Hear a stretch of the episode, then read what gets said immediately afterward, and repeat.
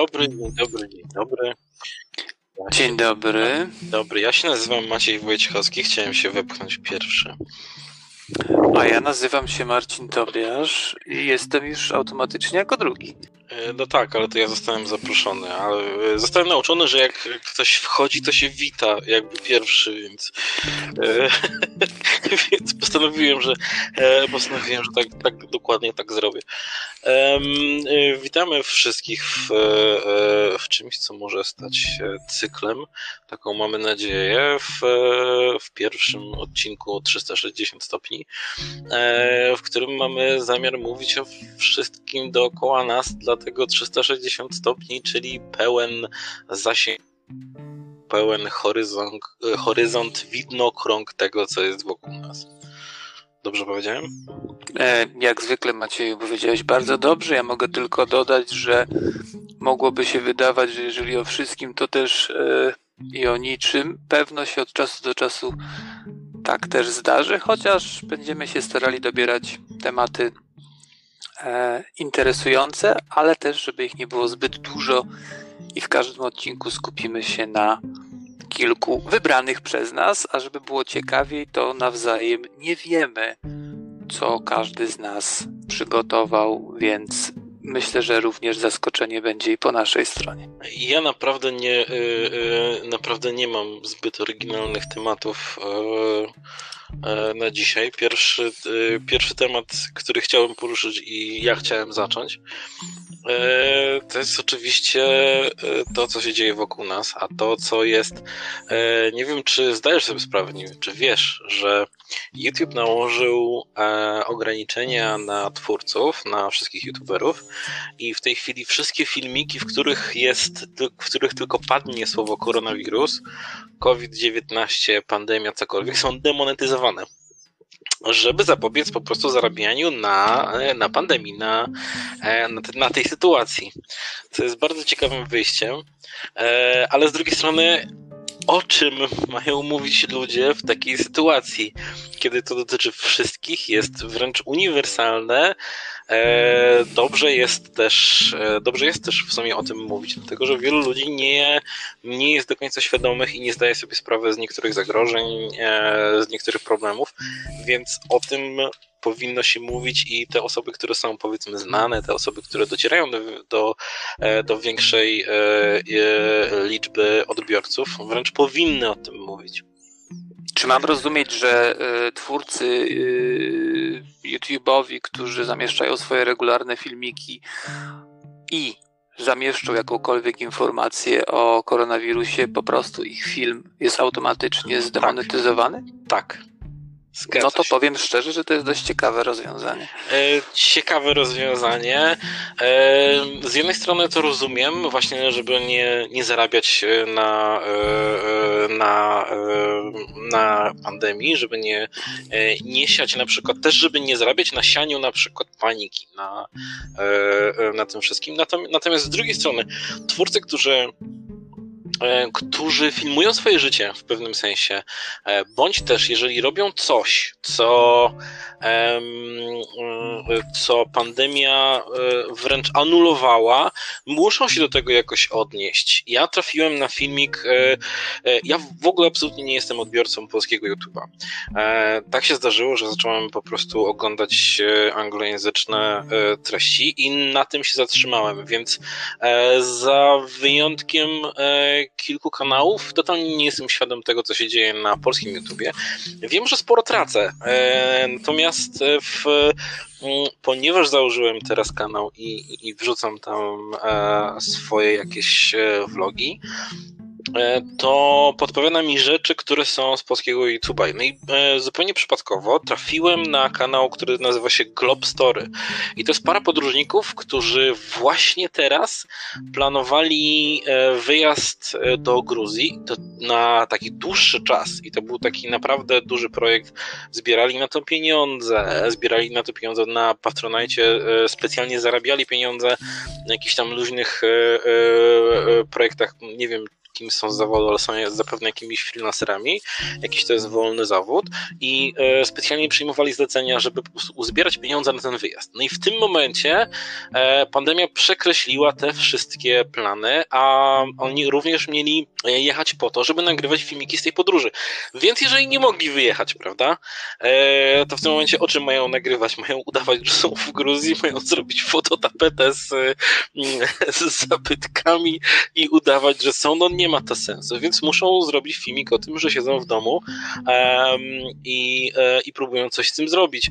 E, u nich jeszcze była taka historia, że, że oni mieli mieszkanie, które wynajmowali i je już zdali i tak dalej, no, czyli są de facto bezdomni. No bardzo, bardzo ciekawa sytuacja.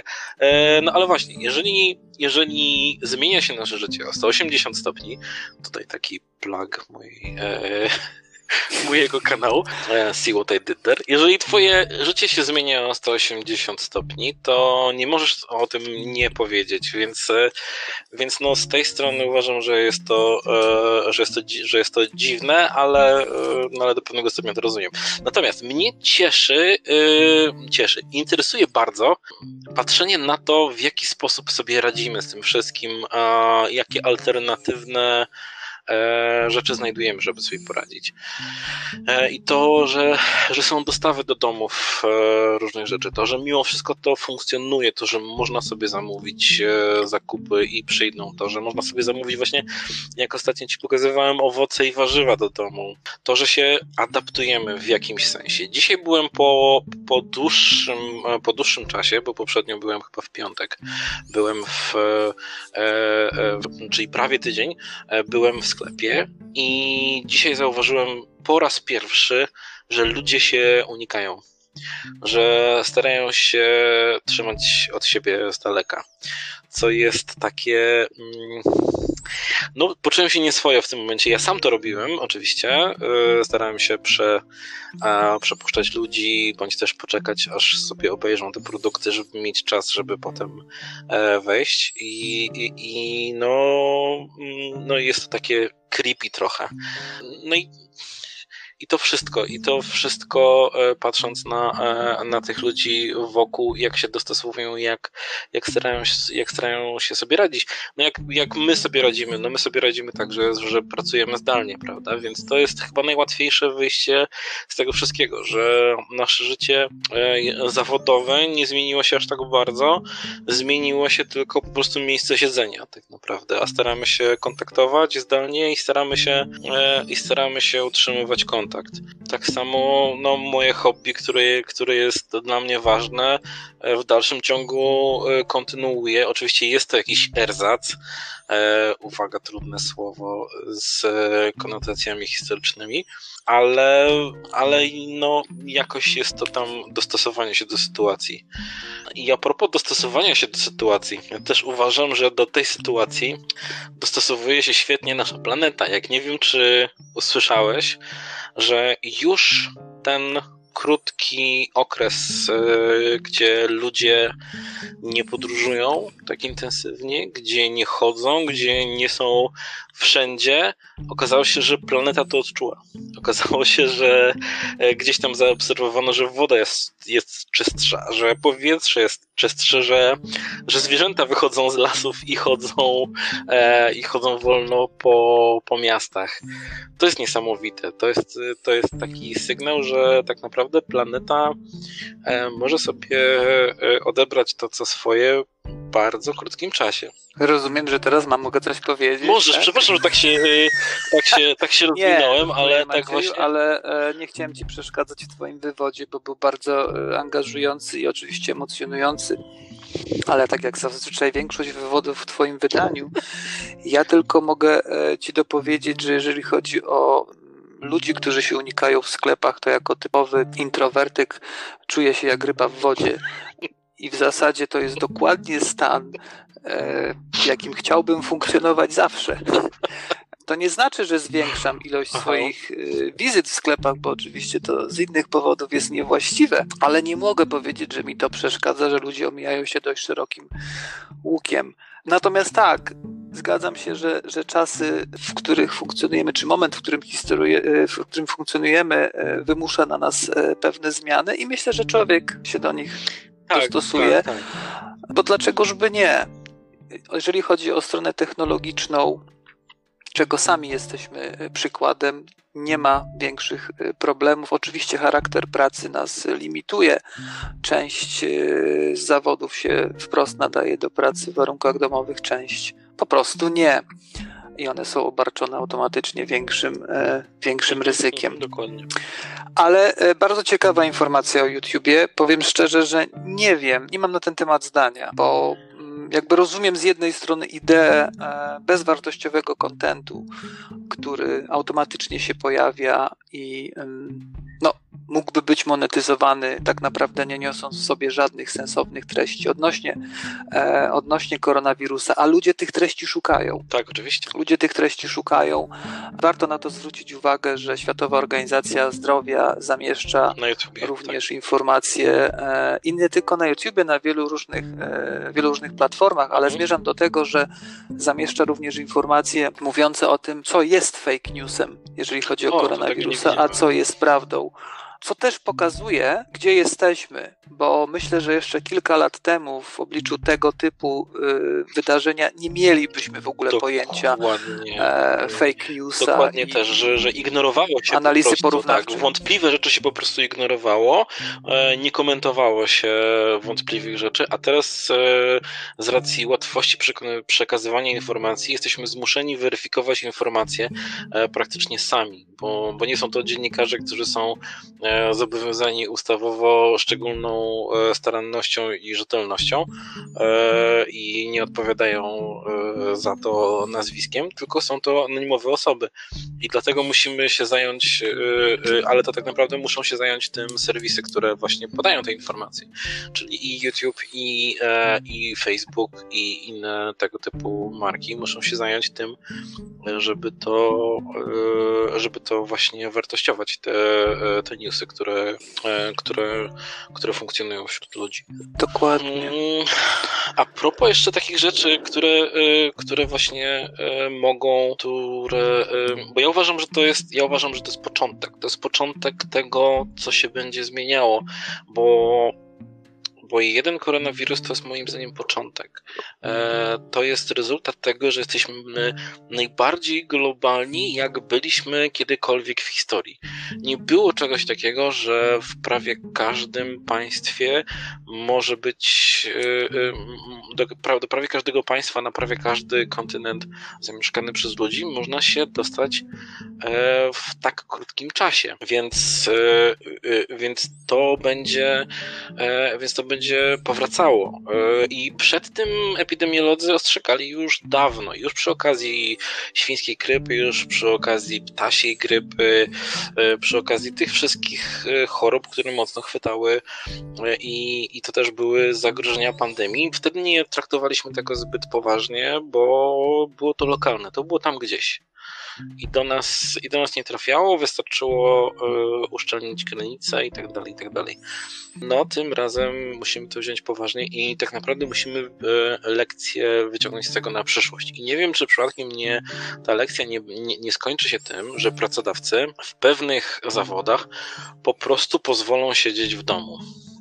I tak będzie na stałe, bo wielu pracodawców przekona się, że nie ma żadnego znaczenia, czy ktoś siedzi w biurze, czy ktoś siedzi w domu, i to stanie się po prostu e, obyczajem, że akurat w tym zawodzie, w tej, w tej grupie zawodów, nie trzeba wynajmować e, super drogich biur, nie trzeba płacić za dostawę owoców do biura, i ludzie mogą siedzieć w domu i są zadowoleni z tego powodu. I chcą tego, mało tego.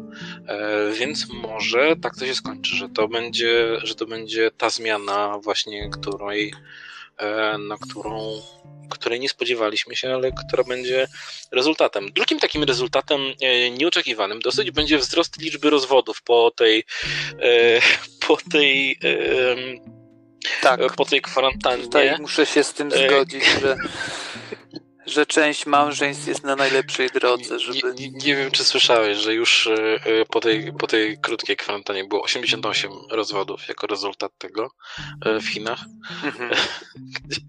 ludzie nie wytrzymali. Poczekajmy jeszcze na europejskie tak, statystyki. poczekajmy na europejskie statystyki, może być ciekawie. Przypominam, że mocno, mocno dotknięte były tym Włochy, które znane są z, e, e, e, z, i Włochy i Hiszpania, które, i te, te dwie nacje znane są z wybuchowego temperamentu i apetytu. więc, więc może się okazać, że faktycznie będzie, będzie więcej takich wydarzeń.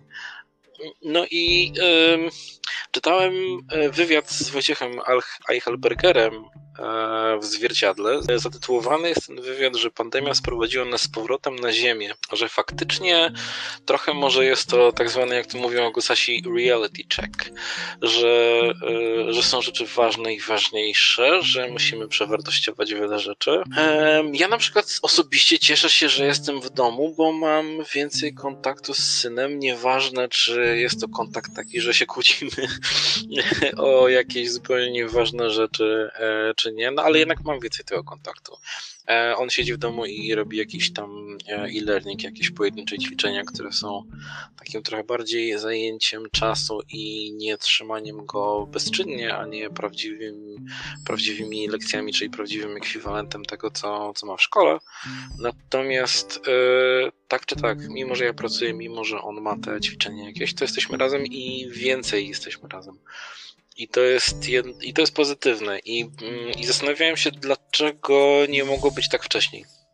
Dlaczego tylko w takim wymiarze, skoro już co najmniej od kilkunastu lat mamy możliwość robienia dokładnie tego. Wiesz, tu już zahaczasz o tematy edukacyjne, komunikacyjne i powiem szczerze, to już jest dla mnie trochę odrębny temat, więc jakby teraz jest kwestia, czy chcemy go rozpoczynać, czy... No to Pewnie, czy nie, bo myślę, że on jest dość ciekawy, a przeżywamy tę zmianę de facto z dnia na dzień, bo podejrzewam, że ty to widzisz u siebie, ja też to widzę u tak. siebie, pomijając już jak reagują na te zmiany młodsze pokolenia, które okazują się być parę kroków do przodu, mhm. więc dla nich to nie jest rewolucja w rozumieniu, że oni dostają jakieś nowe narzędzie do ręki.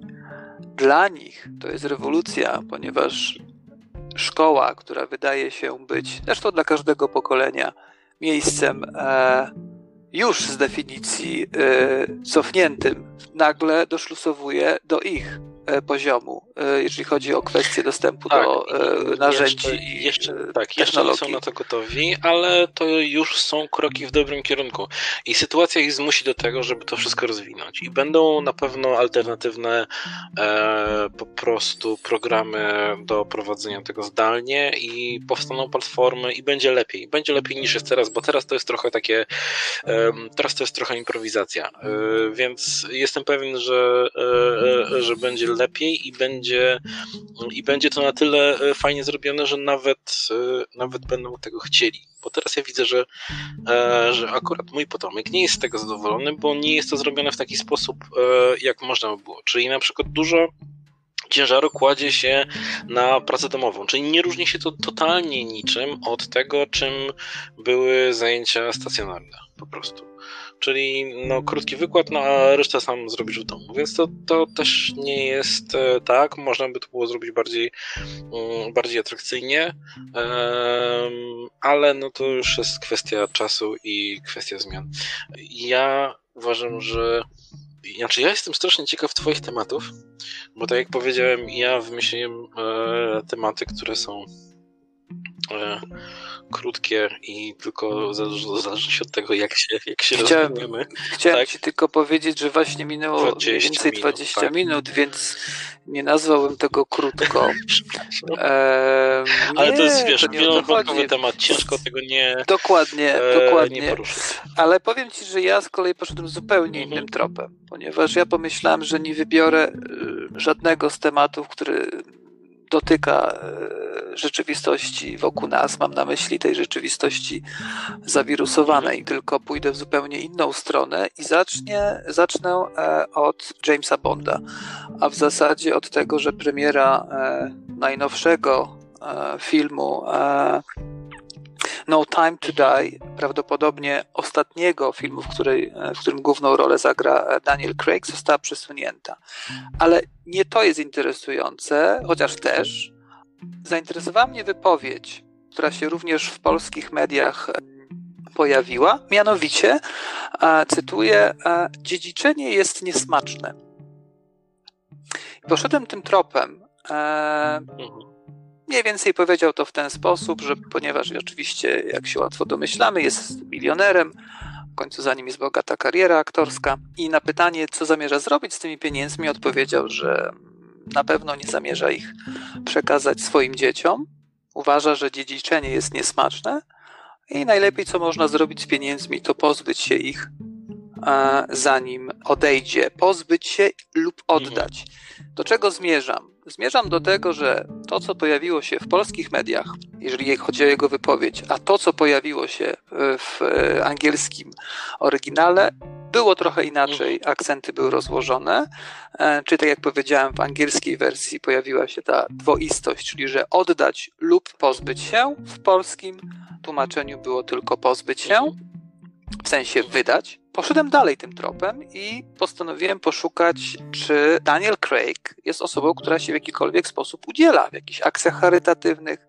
I rzeczywiście okazało się, że jest jednym z tych aktorów, który wspiera w zasadzie kilkadziesiąt różnych przedsięwzięć i organizacji charytatywnych na całym świecie, od ochrony środowiska poprzez kwestie związane z bronią, kwestie zdrowotne, kwestie AIDS, kwestie równości płci itd., tak itd. Tak Ale co było interesujące, to oczywiście wypowiedzi w komentarzach pod e, wersją polską i pod wersją na przykład mhm. brytyjską lub amerykańską. Moje pytanie do ciebie, jak myślisz, w którą stronę te wypowiedzi się e, kierowały? Czy popierające jego zdanie, czy raczej Um, negujące. E, jeżeli, e, jeżeli na, w polskim internecie było to e, przetłumaczone jako pozbyć się, jako wydać po prostu, czyli roztrwonić, to były na pewno to ganiące i negatywne komentarze w tym sensie, bo tak podejrzewam, niestety. Mhm. A na brytyjskim pewnie, gdzie jest jakaś może świadomość tej działalności charytatywnej, może były to pozytywne komentarze. Eee, mam rację, czy nie? Tak, mniej więcej masz rację, bo to z kolei jakby skłoniło mnie do tego, żeby się zastanowić, czy tu wchodzi w grę kwestia kulturowo-religijna. Mm. Bo jeszcze zapomniałem Ci o, o dodać o bardzo ważnym elemencie, mianowicie Daniel Craig jest ateistą. Nie wiem, czy to ma mhm. jakieś znaczenie, to jest pytanie otwarte, ale zastanowiłem się nad tym, czy u nas w Polsce dziedziczenie albo też poczucie, że powinienem coś zostawić po sobie. Mam na myśli majątek, a nie e, wspomnienia, bo te bywają różne. Czy to jest przymus lub też oczekiwanie, które jest u nas, czy w nas tkwi jak, jako element kultury, a może na Zachodzie nie? Czy też to nie jest właściwie kierunek Ja pamiętam, mm, pamiętam z, na studiach zajęć e, e, e, z filozofii mieliśmy takie pojęcie, które utkwiło mi, teraz już nie pamiętam, który myśliciel to ukuł, ale mm, utkwiło mi to w pamięci, że, że według tego myśliciela coś takiego jak altruizm nie ma racji bytu. Nie istnieje prawdziwy altruizm.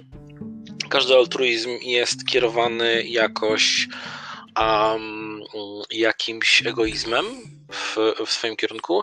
Natomiast jedyny altruizm, który jest e, e, możliwy i który jest prawdziwy, to altruizm krewniaczy, czyli wspieranie rodziny, dlatego że jest to jakoś tam, e, można nawet e, zaryzykować takie twierdzenie, że jest to zgodne z naturą, czyli wspieranie swojego DNA, wspieranie swojego kodu genetycznego, swojego potomstwa, aby lepiej mu było.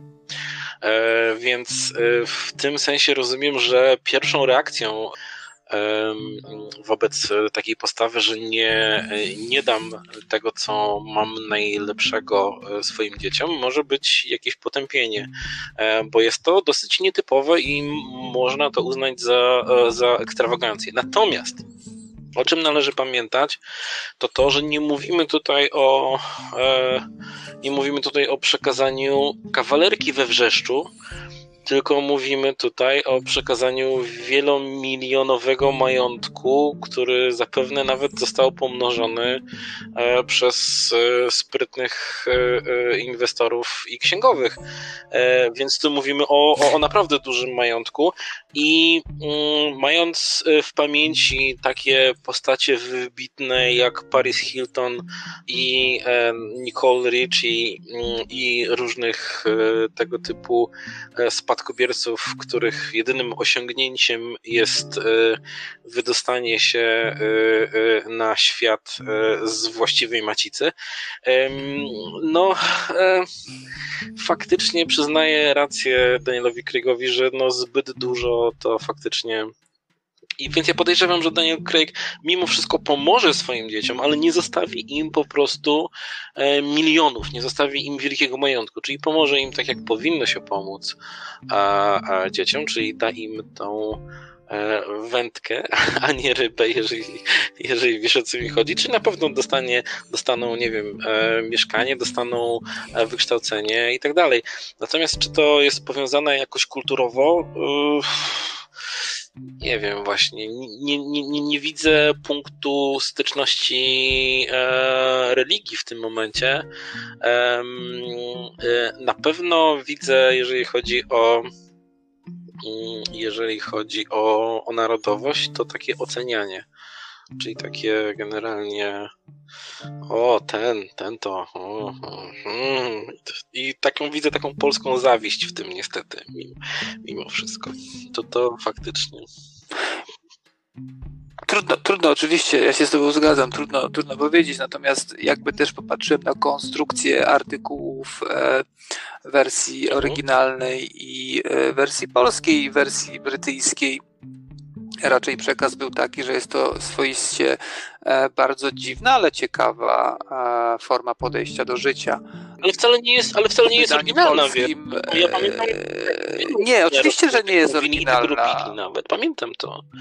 Natomiast samo zdanie, które siłą rzeczy e, jest wiernie prze, przetłumaczone, czyli że dziedziczenie jest niesmaczne, jest ciekawe. Powiem szczerze, że nigdy tak na to nie spojrzałem, dlatego to przykuło moją uwagę. Tak, bo, bardzo ciekawe ujęcie, a... E, ujęcie tego, e, tego tematu. No, różnie tak. można określić dziedziczenie, tak, że jest niewłaściwe, nietrafione albo jakiekolwiek inne, natomiast e, niesmaczne. Ciekawe. No tak. To tyle, jeżeli chodzi o mój jeden z tematów. Tak. Więc proszę I, cię, I teraz mam temat, który był zadaniem domowym e, dla ciebie mm -hmm. i, e, i chciałem cię od razu e, przeprosić. E, Dlaczego? Dlaczego? No, bo jakoś zmusiłem cię do, e, do obejrzenia tego filmu, więc e, jestem ciekaw. Jak to może powiedz o jakim filmie. O, e, o filmie W lesie dziś nie zaśnie nikt. Jest to polski horror, co jest bardzo rzadkie. Dzisiaj sprawdziłem, ile było polskich horrorów w historii. E, i było ich niewiele. Było gdzieś poniżej 20 wszystkich i to zaliczając do horroru rzeczy, które są nawet luźno powiązane, ale z takich rzeczy, które, które ja mogę kojarzyć, które były ostatnio robione, no to był naznaczony serial z Piotrem Adamczykiem, nie wiem czy pamiętasz, i był, mhm. e, e, i był film Pora Mroku, którego nie widziałem, ale który, podobno, który został bezlitośnie e, zaszlachtowany przez krytyków i jakoś nie, nie miałem okazji go obejrzeć. I no, oczywiście przy, na, na myśl też przychodzą e, takie klasyki z, z lat PRL-u, czyli Klątwa Doliny Węży, która e, stała się e, obiektem drwin, uzasadnionym obiektem uzasadnionych drwin ze strony widzów młodego pokolenia. Powiem ci tak, to jest klasyk. To jest naprawdę klasyk. E, ale też wspominam bardzo pozytywnie i wspominam tak, że, e, że nawet dzisiaj oglądając ten film czuję się ciarki na plecach, to wspominam medium, który w sumie też jest w, w, gatunku horrorem, ale jest niesamowitym filmem, który oprócz tego, że jest kinem gatunkowym, to ma jakiś tam, jakiś tam klimat wspaniały. Natomiast e, jakie, powiedz mi, jakie miałeś wrażenia, e, jeżeli chodzi o ten film? To znaczy, powiem ci tak, że tutaj, zanim jeszcze ci powiem, jakie miałem wrażenia, to jeszcze dopowiem, że to, co ja pamiętam jako polski ho e, horror, to jest Czekałem, Wilczyca. Tak. Mhm, po tak. czym powrót Wilczycy, bo to jest ten sam reżyser, który w przypadku, który jest w przypadku Klątwy Doliny Węży, czyli Marek Piestrak. Bo to jest kwestia kina gatunkowego, które oczywiście w polskim wydaniu no po prostu mówmy się, że, że, że nie istnieje, ale ten film zrobił na mnie bardzo pozytywne wrażenie, ponieważ nie udawał, że jest czymś więcej niż tylko zwykłym slasherem, e, którego zadaniem jest e, doprowadzenie nas do momentu, w którym jeden lub dwójka bohaterów przeżyją, tak? Bo taka jest idea każdego, mhm. E, każdego slashera. Został bardzo fajnie zmontowany, jest y, świetna ścieżka muzyczna, gra aktorska jest naprawdę ok i mimo tego, że no, mówmy się, jaki jest finał tego typu filmów, każdy z nas wie, ale reżyser nie podszedł do tego zbyt e, ambitnie, w sensie takim, że chciał nam rzeczywiście pokazać morze płynącej krwi, a tylko bawił się trochę tym filmem i to widać, bo są tam przemycone e, różne e, mrugnięcia e, okiem, ma momenty humorystyczne. Generalnie podsumowując, byłem bardzo pozytywnie e, zaskoczony i, i e, widzę przyszłość. Znaczy, jeżeli chodzi o stronę techniczną, to ja nie mam się do czego przyczepić. Technicznie efekty specjalne, czyli efekty specjalne, które tam były, e, wreszcie widziałem zastosowanie takich rzeczy bardzo dobrze, czyli pierwszy raz nie kapie ketchup, który, ale bądź też, bądź też przecier pomidorowy, bądź też coś, co jest pomarańczowe i nie wygląda jak krew, co w wielu polskich filmach miało miejsce. Jest to zrobione dobrze, charakteryzacja jest zrobiona dobrze. E, muzyka faktycznie jest ciekawa i jest taka właśnie e, robiąca wrażenie i wprowadzająca trochę niepokoju, więc jest, jest okej. Okay. Natomiast muszę ci powiedzieć, że e, ja jestem po e, oglądaniu wielu e, filmów hiszpańskich i tu jednak czuję, że, że, e, że Polacy chcieli być bardzo amerykańscy. Po raz kolejny czuję, że chcieli być bardzo amerykańscy i chcieli tak. zrobić amerykański film. I, I mnie to boli, dlatego że uważam, że nam brakuje oryginalności nam brakuje. My, my musimy, musimy zrobić film, na, na plakacie którego polscy dystrybutorzy y, będą mogli napisać polska odpowiedź na i tutaj tytuł filmu y, amerykańskiego, żeby polski widz powiedział, a to nasze polskie, ale to takie samo jak tamto, to pójdę. Więc musimy zrobić odpowiedź na Cats Vegas, więc musimy odpowiedź zrobić na coś. Wiesz co? Mm, I, i, i, mhm. Wejdę ci w słowo, bo, bo nie mam takich odczuć. Znaczy mam świadomość, że reżyser, tak jak powiedziałem, mruga okiem tak. do nas, czyli mruga tak. do tych wszystkich, którzy oglądali tak. amerykańskie Piątek horrory 13, przełomu tak. lat 80. Tak, to wszystko, i 90. Tak. Ja to tak, rozumiem, to tylko, okay. że, tylko że to już było, to już było i w tym momencie i w tym momencie ten młody chłopak, ten, który jest nerdem, ten, który jest gamerem i ma na, na, na YouTubie e, kanał, wyliczający po kolei po kolei zasady funkcjonowania w horrorze, kiedy to jest tak naprawdę checklista i to wszystko się zgadza. I ja chciałbym Ci teraz e, e, przypomnieć taki horror, który, mm, który wziął te zasady i wywrócił je na lewą stronę i dzięki temu zmienił totalnie gatunek horroru i od tej pory ludzie musieli się starać trochę bardziej. To był krzyk. Krzyk, Krzyk był meta-horrorem. Mhm. On był trochę horrorem o zasadach horroru. E, I tam też była postać, która wyliczała te zasady. I potem okazało się, że w trakcie już niektóre z tych zasad były złamane i dzięki temu tak dobrze się to oglądało, dlatego że spodziewałeś się czegoś, ale było coś zupełnie innego. Kiedy, uwaga, spoiler alert, ale e, po tylu latach e, tego filmu to mogę powiedzieć, gdzie okazało się, że morderców było dwóch, a nie jeden. Więc to na przykład to totalnie zmieniło, e, zmieniło sytuację i tam było kilka innych takich rzeczy, e, gdzie tam też była scena, e, scena seksu, która nie, pro, nie doprowadziła do śmierci głównej bohaterki, czyli też zaprzeczenie, e, zaprzeczenie tych, e, tych kilku zasad, które które ten nerd w polskim filmie wyliczył. Więc dlaczego wspomniałem o hiszpańskich filmach? Bo Hiszpanie też kręcą horrory, nie boją się kina gatunkowego, ale mimo wszystko potrafią, e, potrafią zrobić coś takiego, że widz jest e, zaskoczony. Dlaczego Amerykanie tego nie robią i od lat Amerykanie kręcą kino tak planowo, według, według jakiegoś planu, by the numbers. Dlaczego? Dlatego, że filmy, filmy amerykańskie powstają tak, że siedzi przy stole sześciu producentów i oni między sobą się przerzucają, e, co jest dobre, co się spodoba publiczności. I oni na pewno wiedzą, co się spodoba publiczności. Natomiast w tym momencie oni idą e, ustaloną drogą i chcą, nie chcą zaskakiwać za bardzo, bo jak e, zaskoczą, to może się nie będzie podobało publiczności. Hiszpanie natomiast, natomiast tego problemu nie mają i to, co jest cechą hiszpańskich filmów, to to, że jeżeli oglądasz hiszpański film, to on potrafi w połowie zmienić gatunek, co jest niesamowite. Spodziewa spodziewałeś się, że to będzie film mhm. sensacyjny, ale nagle on ci się zmienia w horror, albo nagle zmienia ci się w coś zupełnie innego, e, albo nagle zaczyna być wręcz śmieszny, zaczyna być groteskowy, a przed chwilą były po prostu strumienie krwi, a w następnej scenie ty się śmiejesz, bo po prostu oni specjalnie robią coś przerysowanego tak grubą kreską, że, że nie możesz zareagować inaczej. Ja tego bym chciał od polskich twórców, chciałbym trochę więcej odwagi, nie chciałbym powielania wzorców amerykańskich, bo to już wszyscy znamy.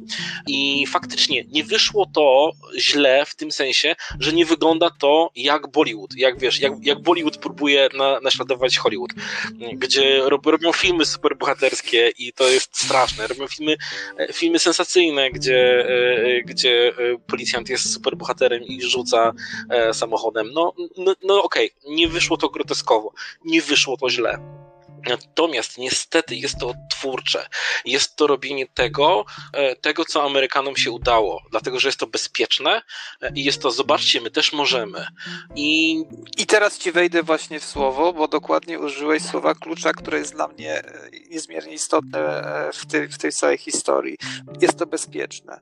Jeżeli od lat kilkudziesięciu nie było polskiego tak. horroru mhm.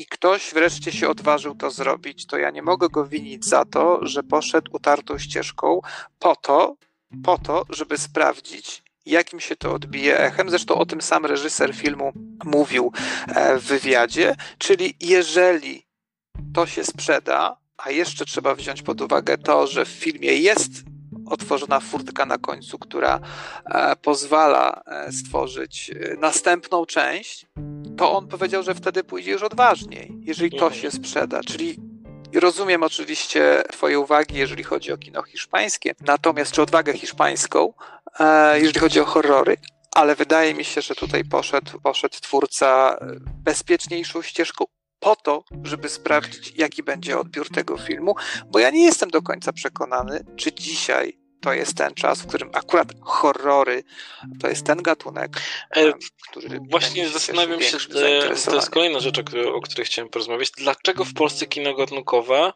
nie cieszy się mm, zainteresowaniem, dlaczego wciąż ludzie chodzą na, e, na komedie romantyczne, mimo że wszyscy już mają tego dość.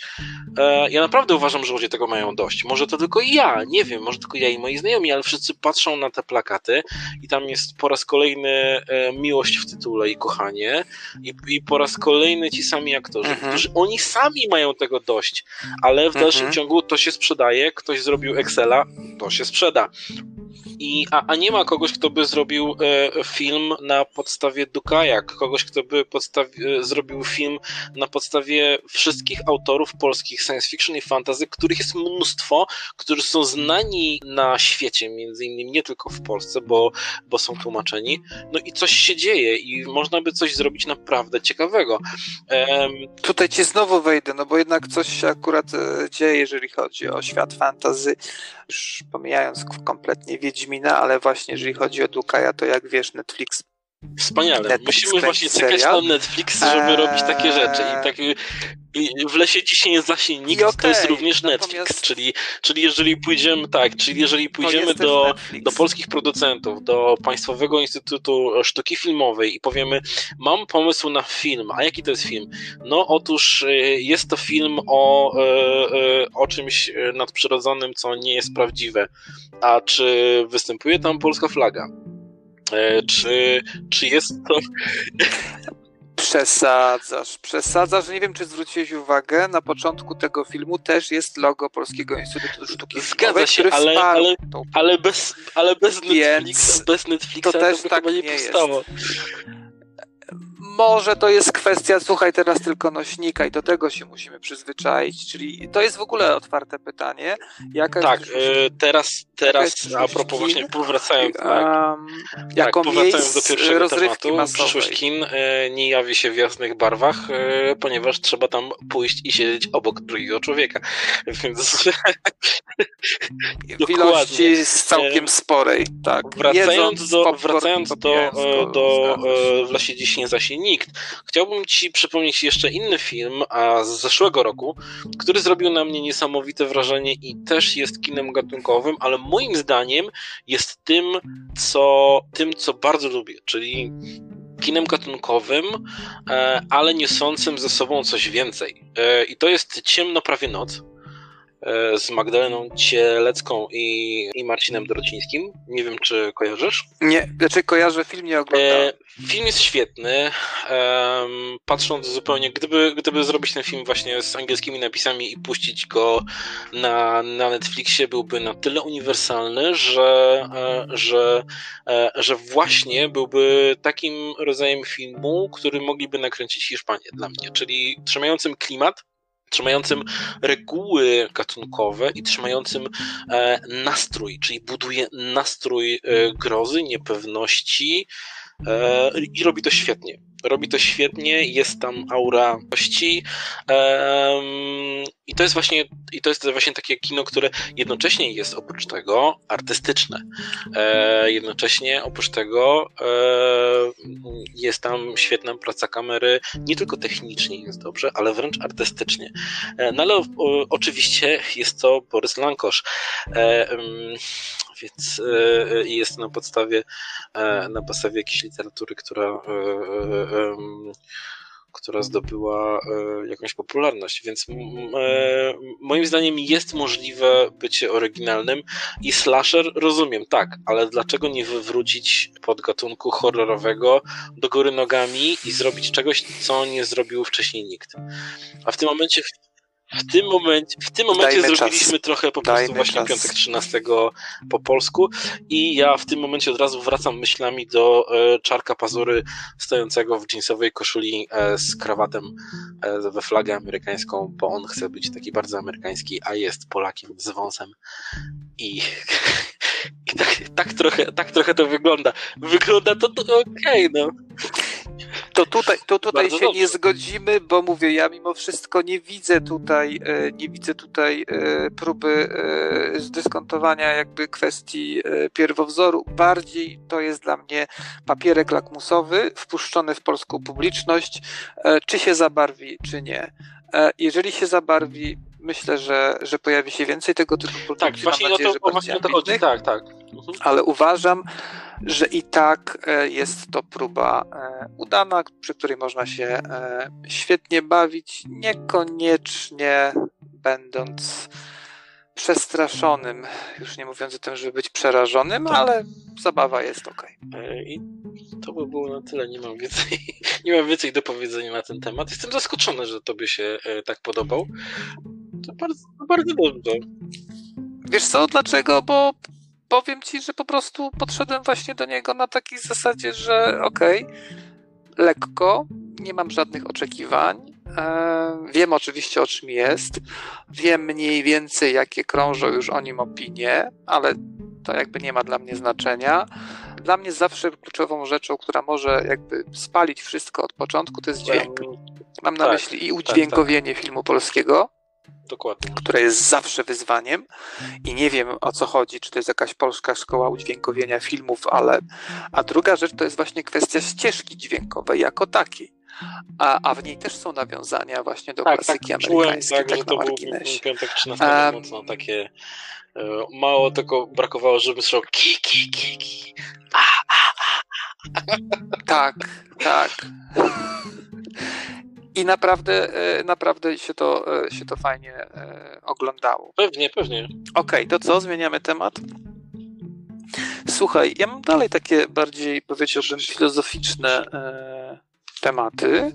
Wyobraź sobie, że kolejną informację, która wzbudziła moje zainteresowanie, zresztą podana na stronach tak znienawidzonej Unii Europejskiej, która nie chce nam pomagać, ale jakby nie dotykajmy tego tematu, brzmi ona mianowicie tak, że mężczyźni brzydzą się bardziej Ciekawe. niż kobiety. Wiesz o co chodzi? Chodzi o takie kwestie codzienne, tak, że ty to podnieś, tam jest gdzieś tam brzydkie, zanurzone w czymś, nieważne w czym, ale to mężczyzna to weźmie, ochucha, ostuka, e, wyczyści i, i, i jest okej. Okay. Tak samo kwestie patrzenia, tak, na jakieś nieprzyjemne rzeczy, to znaczy mężczyzna to robi i rzeczywiście według badań e, stwierdzono, że mężczyzna ma wyższy próg mhm. w zasadzie niższy próg akceptacji dla rzeczy, które nas powszechnie brzydzą, powód jest nieznany. I dlatego chcą ten temat tak. badać naukowcy, ponieważ ślad, nazwijmy to y, immunologiczny, kolejne pojęcie, które w ostatnim czasie robi karierę, wskazuje na to, że ponieważ kobiety mają silniejszy układ immunologiczny, że to one powinny mieć niższy próg akceptacji, dla brzydzenia się. A okazuje się, że to mężczyźni. I to jest kolejna zagadka. Dlaczego akurat mężczyźni? Znaczy, jakie jest moje zdanie? Jakie jest twoje zdanie zacząć, w tym temacie? E, nie chcę wchodzić na grząski grunt e, atawizmów e, z czasów e, kultur pierwotnych. E, no właśnie, myślę, że to jest, trop, że to jest trop. trop. Ale ja myślę, że to jest trop. które może być uznane za seksistowskie. Dlatego, że tak samo jak tak samo jak teoretycznie smak i, I, to, jak nasze ciało reaguje na smak, pierwotnie zostało wymyślone po to, żeby nas ostrzegać przed niebezpieczeństwem. To znaczy, na przykład, gorycz ma nas ostrzegać, że, że coś jest zepsute i żeby tego nie jeść. E, a myśmy z tej goryczy zrobili sobie po prostu fajną rzecz i tutaj, o, piwo, e, piwo e, IPA jest takie, jest takie gorzkie, mm, wspaniale i różne tego typu rzeczy tak naprawdę pierwotnie niektóre uczucia, niektóre pierwsze nasze reakcje są po to, żeby wzmacniać nas, nasz instynkt samozachowawczy. I w momencie to uczucie obrzydzenia jak najbardziej ma nas e, ostrzegać przed tym, że coś może nas, że coś może nam zaszkodzić po prostu najzwyczajniej w świecie. Czyli, czyli no odchody mogą, zawierają dużo bakterii, więc należy raczej w nie nie wchodzić i, i ich unikać i tak dalej, i tak dalej. No jest to, jest to, wydaje się to być naturalne. A dlaczego akurat mężczyźni? Dlatego, że teoretycznie to mężczyźni e, szli poszukiwać jedzenia, a tą strażniczką ognia e, w jaskini była kobieta. Choć oczywiście to są założenia, które są e, ukute przez dosyć zmaskulinizowaną kulturę zachodnią, którą, której jestem dzieckiem, więc może jest tak, że może się mylę, bo późniejsze kultury były matriarchalne i, i kobiety w nich rządziły, więc może to nie jest wcale oczywiste. Natomiast patrząc na czystą, czystą, czystą anatomię, czyli no, my mamy większe większy przyrost tkanki e, mięśniowej, masy mięśniowej e, i jesteśmy teoretycznie silniejsi, po to właśnie, żeby wychodzić i zdobywać jedzenie. E, czyli jesteśmy w warunkach jakiegoś tam teoretycznego zagrożenia zdrowia i życia. I po to podejrzewam jest to obrzydzenie. A dlaczego tak się ukuło, że faceci już się nie brzydzą teraz? No, generalnie chyba chodzi o to, że musimy udawać, że się nie brzydzimy, po to, żeby, e, żeby było, że jesteśmy twardzi. Tak. Czyli wypełniamy swoją rolę społeczną, która tak. się na to wygląda. Nie zmieniła od setek lat. Znaczy powiem szczerze, że, że dla mnie to też jest bardzo podobny trop, to znaczy mężczyzna jako element słabszy. Można sobie jakby wyobrazić, że kobieta go straci i zastąpi kolejnym, ponieważ element brzydzenia się jest związany z jakąś formą niebezpieczeństwa, tak? Więc mężczyzna go musi zbadać. Jeżeli w efekcie tego zbadania, mówiąc brutalnie, nie przeżyje, no cóż, trudno na takie straty podejrzewam, że kobiety sobie mogły pozwolić, zastępując kolejnym przedstawicielem tego słabszego gatunku, ale sam jestem ciekawy wyników badań naukowców, w tym wypadku o. naukowców polskich, o. a nie amerykańskich. Tak. To ciekawe. Ja słucham ciebie teraz. Maciej, jaki masz trzeci e, taki temat? bardzo ogólny. Dlatego, że mój, e, mój syn hmm. zaczął ostatnio mi czytać e, całą stronę e, na Reddicie, cały wątek na Reddicie, który zajmuje się podsumowywaniem e, w dosyć negatywny sposób e, Chin i ich historii, ich tak naprawdę braku e, sukcesów militarnych i sukcesów w, w, w, różnego rodzaju.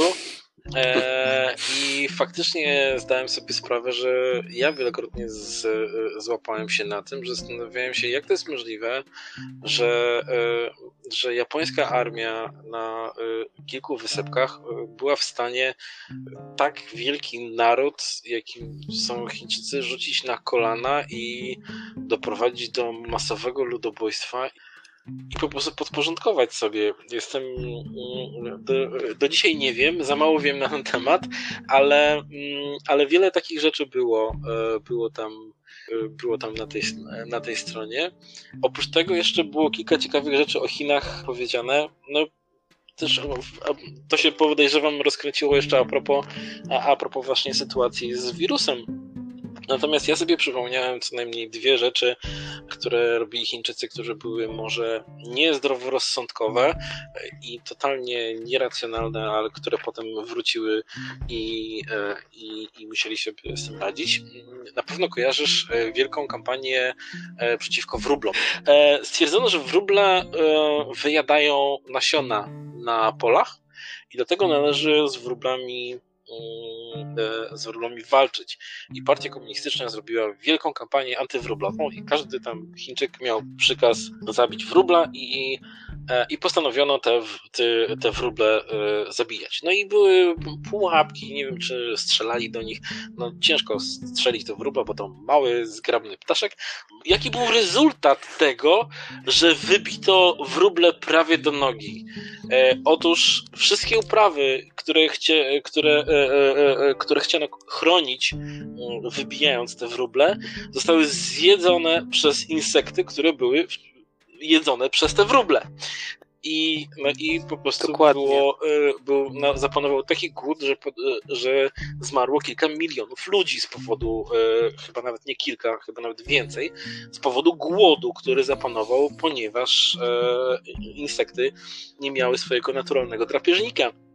Drugi przypadek, który był w, e, e, przy, przytoczony, i to ja o tym słyszałem, opowiadał mi znajomy, gdzie e, Chińczycy, za, Chińczycy zachowali się jak, jak, jak, jak dyrektor z z filmu Poszukiwany Poszukiwana.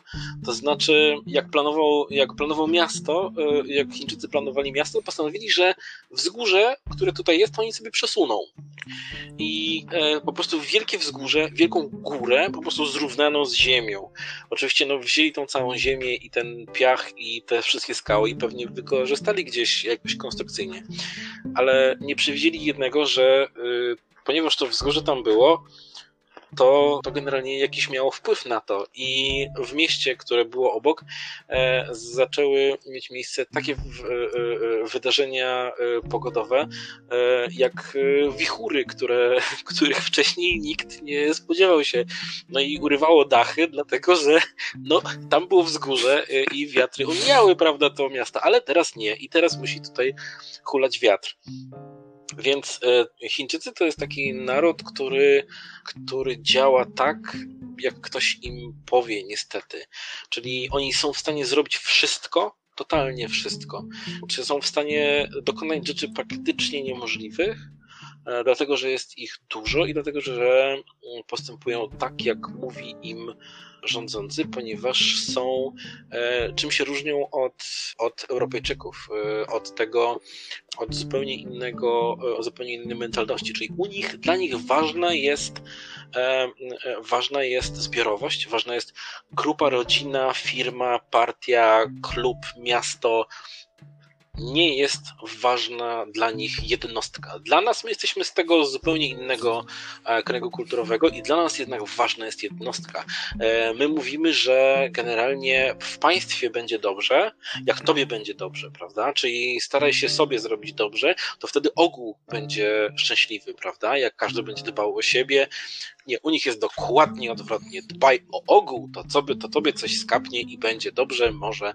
I dlatego e, byłem świadkiem takich scen, jak byłem w Chinach, jak wizytowałem fabryki, jak widziałem, jak e, przybity życiem 40-latek o wyglądzie 60-latka w, w niewentylowanym pomieszczeniu metr na metr zgrzewał uszczelki z gumy i wdychał te opary z gumy, a moi, e, moi gospodarze, którzy prowadzali mnie po tej fabryce, stwierdzili, że to będzie dobry pomysł, żeby pokazać mi takie rzeczy. I oni chcieli pokazać właśnie, że zobacz, jak tniemy koszty dla ciebie. E, widzisz, e, po czym, po czym poddaliśmy wątpliwość również tego, czy te produkty, które nam sprzedają, są testowane, jeżeli chodzi o bezpieczeństwo. Więc oni chcieli pokazać, że no tak, pokażemy wam naszą aparaturę do testów. I pokazali nam aparaturę do testów, która nie była włączana od lat 90. Część z nich e, nie działała i była e, zepsuta w takim stopniu, że było widać, że jest zepsuta, ale pokazali, że mają tą aparaturę. Więc tak, Chińczycy są niesamowici. Sztuka jest cały sztuka. Właśnie, wracając do, właśnie do tematu e, wirusa, cały ten, cały ten proces, jaki był przy okazji Wuhan i, i, i, i wybuchu e, epidemii, pokazuje dokładnie Chiny w pigułce. To znaczy, wybucha wirus, negujemy, nie ma żadnego wirusa, nie wiem o co chodzi, nie wiem, wszystko jest ok, wszystko jest ok, po czym jak już jest źle, to mówią, jest ok, i po czym robią takie rzeczy, które nie są możliwe w żadnym innym kraju, dlatego że mogą, czyli totalnie e, nie ma żadnej demokracji i swobody poruszania się i swobody jakiejkolwiek. E, są w stanie zbudować w ciągu kilku dni szpital, bo trzeba, czyli każdy dostaje, każdy dostaje robotę do, e, do wykonania i ją wykonują. Nieważne, czy padają z wycieńczenia, czy nie, ale to robią. Więc to, że to się zaczęło w Chinach, to jednocześnie jest logiczne, Jednocześnie e, powodem, e, dla którego się wydostało na zewnątrz i jest problemem są Chiny, ale jednocześnie dlatego, że w Chinach, to dlatego tak w Chinach sobie, dlatego, że to w Chinach było, to dlatego Chiny sobie z tym mogły poradzić. Jak żadne inne państwo. Natomiast wracając do, do tego, od czego zacząłeś, czyli jakieś formy nagonki na Chiny, to pamiętaj o tym, że tutaj to też się nie dzieje bez powodu. Mam tak, chiński wirus. To jest już, już zostanie chińskim wirusem do końca. Dokładnie. E, na pytanie, dlaczego nazywa to chińskim wirusem, no bo przecież przyszedł z Chin. Połączone z wyrazem niezrozumienia w jego oczach, dlaczego w ogóle pada to pytanie. I myślę, że to są właśnie takie elementy, które już dodatkowo wzmacniają przekaz. Jeżeli do tego dodamy to, o czym też powiedziałeś na początku, czyli że my generalnie nie znamy historii Chin. Kojarzymy Chiny raczej z epoką Mao Tse-tunga, e, latami 50., 60., oczywiście współczesnością.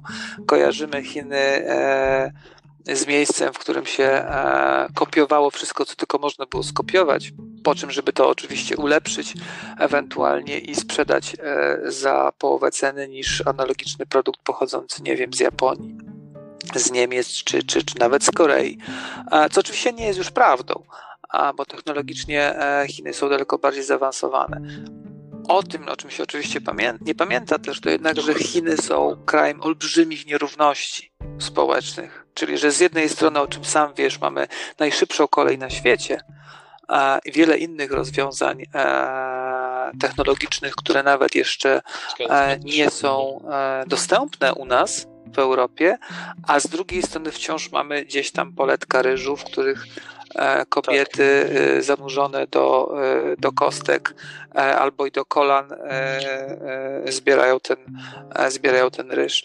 Jest to niesamowite, a z drugiej strony też się z Tobą zgadzam, że to jest jedyny prawdopodobnie kraj w tej tak, skali, który był tak, sobie w stanie z tym zagrożeniem poradzić. To, jak, jak byłem w Chinach, byłem tam tydzień, więc to było tylko takie, takie liźnięcie tematu i, i, i też była to podróż służbowa, więc nie, nie zaglądałem za każdy budynek i nie, nie widziałem jakichś małych miejscowości. Natomiast widziałem ludzi, którzy z tych małych miejscowości wyjeżdżali, bo wolno im było. Dlatego, że w Chinach nie wolno wyjechać spoza swojej e, e, wioski, czyli jest trochę jak w, Polsce feudalnej. E, e, jest po prostu rolnik jest przy, przy, przywiązany do ziemi, chłop jest przywiązany do ziemi i musi mieć e, pozwolenie, żeby wyjechać. E, a dlaczego tak robią Chiny? No dlatego, że wszystkie wielkie miasta w Chinach miałyby wielomilionowe po prostu slumsy biednych e, e, ludzi e, z wsi, którzy chcą pracować w fabrykach. To jest chyba oczywiste, że tak by było. Dlaczego tak nie jest? Właśnie dlatego, że oni muszą mieć pozwolenie, żeby wyjechać ze wsi. Na dworcach kolejowych kontrola na wejście na sam peron jest taka, jak wejście na lotnisko w innych krajach. Jest to, to robi niesamowite wrażenie. Jedzie się pociągiem, a przyświetla się bagaż i sprawdza się wszystkie dokumenty i wchodzi się na peron tylko 5 minut przed odjazdem pociągu. Nie ma innej możliwości, żeby na peronie siedzieć, żeby na peronie e, przebywać dłużej, czekać, nie wiem, godzinę. Nie ma takiej możliwości. Wchodzi się na peron i wsiada się do, e, do pociągu. Jest bezwzględny porządek e, i oczywiście to nam się kojarzy e, z autorytaryzmem, z wręcz z totalitaryzmem i kojarzy się nam negatywnie. Natomiast musimy pamiętać, że E, Chiny jako państwo muszą zarządzać taką masą ludzi, że w momencie, w którym z dnia na dzień wprowadzono by u nich prawdziwą demokrację, byłaby to katastrofa na skalę globalną, bo mogliby e, wybory wygrać ludzie tak skrajni. Ja sobie wyobrażam jakiegoś e, autorytarnego e, populistę, który nagle, nagle wieszczy po prostu władzę Chin nad światem i ciarki nie przechodzą po grzbiecie. Tak nie jest i należy się cieszyć, ale jeżeli tak by się stało, to jest to problem na skalę globalną. Więc oni generalnie zajmują się, zajmują się pracą i, plan, i planowaniem, postępowaniem według planu, a plan mają nie na najbliższe 5 lat, jak e, państwa na przykład europejskie. E, w Polsce to ja nawet nie wiem, czy to jest 5 lat, czy to jest może 4 lata. E, e nie, obawiam tak się, jest, że to jest kwestia do najbliższych wyborów. na kilkadziesiąt lat, jeżeli nie na 100 lat. I następna rzecz to, e, to to właśnie, że decyzja, która jest podjęta, jest po prostu wprowadzona w życie. Czyli to, co jest, to, co jest, e, miałem kiedyś, jak ja studiowałem politologię i miałem, mm, i miałem ćwiczenia i prowadził je e, wojskowy z, z, z Wojskowej Akademii Technicznej i to było a propos systemów politycznych i on zadał pytanie, zdajcie sobie sprawę, jak wygląda E, jak wygląda podejmowanie decyzji w systemach politycznych. Jak na przykład wygląda e, podejmowanie decyzji w demokracji, kiedy trzeba e, skonsultować się ze społeczeństwem, konsultacje społeczne z grupami interesu, wreszcie ugrupowania polityczne, wreszcie parlament, głosowanie i tych wszystkich nad pojedynczą decyzją, tych wszystkich grup, z którymi trzeba się skonsultować i każdy musi wyrazić swoje zdanie, jest mnóstwo. W systemie autorytarnym decyzja po prostu jest, objawia się i trzeba ją wykonać. Więc w, na tym przykładzie e, na tym przykładzie właśnie patrząc na Chiny, patrzy się na Chiny zupełnie inaczej. Wprowadzenie demokracji w Chinach mogłoby mieć e, rezultat taki jak wprowadzenie demokracji w Afganistanie bądź też w Iraku. E, mogłoby to po prostu się nie udać i nie mieć nie mieć sensu. To jest brutalne i to jest, i to jest straszne, dlatego że demokracja jest raczej czymś pozytywnym. Natomiast to jest coś z tego, z czego też trzeba korzystać i trzeba się nauczyć korzystać. My, Polacy, też musimy się z tego nauczyć korzystać, bo nie mamy niestety doświadczenia. A z drugiej strony y, przewrotna teza, jaka w zasadzie mi się ukuła, to jest taka, że to właśnie w systemach totalitarnych łatwiej sobie można poradzić z tak, takimi tak, tak. zagrożeniami, z jakimi na przykład mamy do czynienia dziś. Eee, nie wiem, czy to jest optymistyczne, czy nie, ale, ale w zasadzie to chyba tak wyglądają na dzień dzisiejszy fakty, patrząc po tym, jak rzeczywiście poradzono sobie, nie tylko zresztą w Chinach, ale w kilku krajach azjatyckich e, z wirusem, przynajmniej do tej pory. Po co będzie później, to, to tego nie wiemy. Tak. Słuchaj, mam ostatni temat, ponieważ e, szukałem jakiejś e, interesującej informacji związaną z dzisiejszym dniem, czyli z 26 marca. Mm, I okazało się, że jest to rocznica urodzin znanego rzeźbiarza e, Igora Mitoraja. Mm, e, nie wiem, czy jest ta postać tak, ci znana, czy nie. Mniejszym Google ci może przypomnieć, natomiast myślę, że e, kojarzysz jego rzeźby, które znajdują się w wielu europejskich stolicach, między innymi w, w w Rzymie, tak. Oczywiście w Warszawie, w Krakowie również, bo jest charakterystyczny element ust w tych rzeźbach, czyli to są zazwyczaj głowy, a nie tylko mhm. głowy, ale korpusy ludzkie z e, zawsze oddanym elementem e, ust. E, jeszcze usta są de facto wzorowane na ustach Bardzo rzeźbiarza. klasyczne są te właśnie. Jest to bardzo klasyczna rzeźba, tak. Zmierzam tak naprawdę do tego, że osoby, które są uznane, uznanymi artystami, a znamy takich przypadków wiele, to uznanie, mówię o polskim przypadku, zyskują za granicą, a w Polsce pozostają, przynajmniej w sporej, znaczy sporej części społeczeństwa, osobami nieznanymi. I teraz moje pytanie do Ciebie jest takie: czy jest to po prostu kwestia tego, że Polacy w jakiejś części e, kompletnie się pewnymi tak, rzeczami nie tak, interesują? Tak, ja, Mam na myśli chociażby tak, rzeźbę, ja uważam, tak, malarstwo, tak, architekturę nowoczesną i tak dalej, i tak dalej. To nie jest popularne. Czy jest jeszcze jakiś Rzeźba nie powód? jest popularna. E, nie, nie, nie ma raczej potrzeby w ludziach powszechnie takich estetycznych przeżyć, moim zdaniem. E, ja z, e, znałem nazwisko Mitora i wiedziałem, że jest rzeźbiarzem, jak najbardziej. E, nie pamiętałem jego przykładów, no ale jak teraz sobie przypomniałem, że maska na maska w Krakowie jest, jest jego dziełem, no to oczywiście, że tak.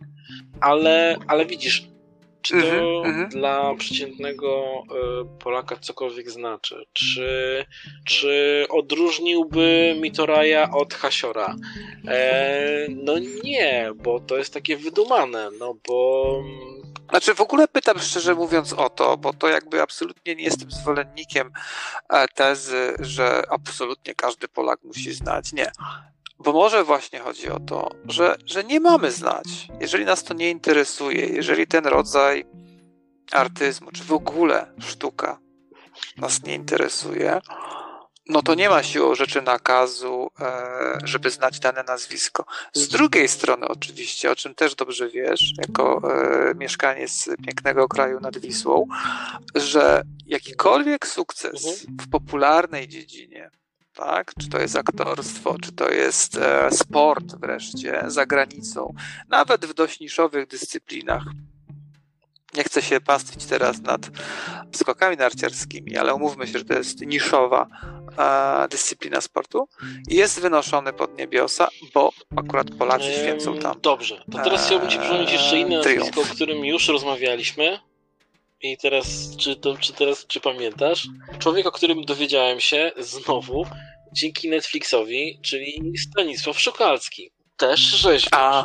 Też postać, o której nie tak, miałem zielonego tak. pojęcia. Też postać wybitna. Tak. kto stworzył cały Zgadza się. E, estetyczny nurt, za którym szła jakaś, e, jakaś idea. I w tym momencie on w swoich czasach stał się popularny e, i był trochę skandalistą, ale był popularny dlatego też, że oprócz e, samej estetyki, samej e, samej rzeźby, e, samej kultury wysokiej, jaką reprezentował, niósł jakąś ideę ze sobą. Więc to jest właśnie to. W momencie, w którym mamy mamy samą sztukę, która jest, może być zrozumiała, może być niezrozumiała i jest, nie ma przy tym jakiejś innej wartości dodanej, może totalnie nie znajdować e, zrozumienia i może nie znajdować e, odbiorców popularnych i być tylko popularna dla bardzo wąskiego grona. Tak jest w tym przypadku, moim, moim zdaniem. Przypomniałeś mi jeszcze o jednej postaci, również, bo akurat Stanisław Szukalski, jak wiemy, e, mieszkał i, i zmarł w Stanach Zjednoczonych. Przypomniałeś mi Jana Lewana, e, czyli kolejny, kolejnego przedstawiciela jakby nie było. No, ale... Artystę. Eee, Dokładnie, ale tutaj w tym bardzo mocnego już nurtu widzisz, Polek, że jeżeli chodzi o, e, w Stanach Zjednoczonych. o za, e, zasięg, to jednak on miał zasięg dużo większy. E, no tak, bo to jest kwestia oczywiście popularności tego e, rodzaju muzyki w pewnej części Stanów Zjednoczonych, e, ale jakby zmierzam do, zmierzam do tego, że okej, okay, nie musimy wiedzieć, e, nie musimy się interesować. Bardziej mi chodzi tylko o to, czy rzeczywiście jest tak, że może pewni twórcy mhm. nie osiągnęliby swojej wielkości, gdyby byli w kraju, zostaliby w kraju. Ja już pomijam, że część tych mm. twórców byłaby wtedy skazana na życie w systemie komunistycznym, który siłą rzeczy byłby dla nich blokadą. Ale czy dzisiaj czyli w dzisiejszej rzeczywistości, znowu abstrahując od obecnej sytuacji, tro, trochę, jakikolwiek młody twórca ma tak szansę tak było, na to, żeby stać się tak popularnym w skali świata, mieszkając w Polsce. Który y, kojarzy Wilhelma Sesslera i też tak, y, oczywiście. miałem wrażenie, że on on był w swoim czasie, nie wiem jak jest teraz, natomiast on był w swoim czasie najdro, najdroższym polskim malarzem. Jego obrazy na, na świecie uzyskiwały najwyższe ceny wśród tak. polskich twórców. E, I on w końcu, z tego co pamiętam, nie wiem czy on teraz mieszka w Polsce, natomiast przez jakiś czas nie mieszkał i wyprowadził się. Więc e, czy to dla mnie jest e, niespodzianką? E, trochę nie, dlatego że artyści tego typu zwykle mają mm, jakąś zupełnie inną wrażliwość na rzeczywistość wokół siebie. I to, co i to, co u innych może wywoływać irytację i, i, i, słaby humor, ale zrobię sobie dobrej kawy i już mam lepszy humor, to u nich wywołuje wręcz głęboką depresję i niezgodę na rzeczywistość i, i niemożność przebywania w kraju, w którym dzieje się coś, z czym gruntownie się nie zgadzają. I dlatego muszą, muszą wyjechać, muszą muszą po prostu szukać swojej drogi poza Polską. Tak uważam, bo wszystko, e, bo wszystko można e, zrozumieć na takiej zasadzie, że, że jeżeli ktoś faktycznie sprzedaje się świetnie za granicą, to czemu ma w Polsce nie mieszkać? Przez lata e, taką osobą był Beksiński, który, który sprzedawał się świetnie za granicą, w Polsce nie za bardzo mhm. go rozumiano, bo co to za e, fotoreportaż z apokalipsy, a, a, on, e, a on za granicą sprzedawał się świetnie. Więc tak można, pewnie, tylko trzeba mieć taką konstrukcję psychiczną, psychiczną, psychiczną żeby się tym nie przejmować. Beksiński e, się tym nie przejmował, e, zamykał się u siebie w, w swoim mieszkaniu e, w bloku i malował i robił swoje, jak przykazał Wojciech Młynarski. Natomiast inni artyści tego nie mogą, dlatego że czują się zaangażowani społecznie, zaangażowani właśnie w tą rzeczywistość i, e, i niektórych rzeczy po prostu e, nie mogą puścić głazu. I tym optymistycznym akcentem, że prawdziwa sztuka krytyk się nie boi. Będziemy kończyć. Jest już godzina 20. E, bardzo, 80 bardzo cieszę. Bardzo mi było miło z Tobą porozmawiać. Mam nadzieję, że potencjalnym słuchaczom będzie miło e, mnie również. e, tego słuchać. I mam nadzieję, że jest to e, pierwszy z wielu takich pierwsze z wielu takich spotkań.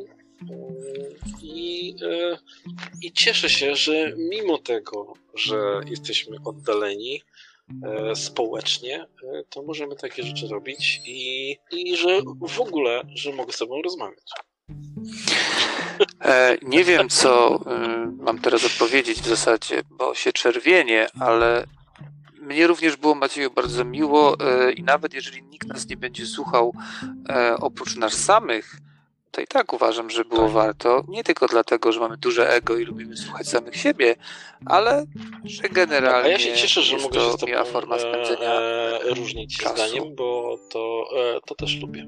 Tak, a to jest uważam, że niezmiernie ważne. Dziękuję, e, do zobaczenia. W takim razie do zobaczenia, do usłyszenia następnym razem.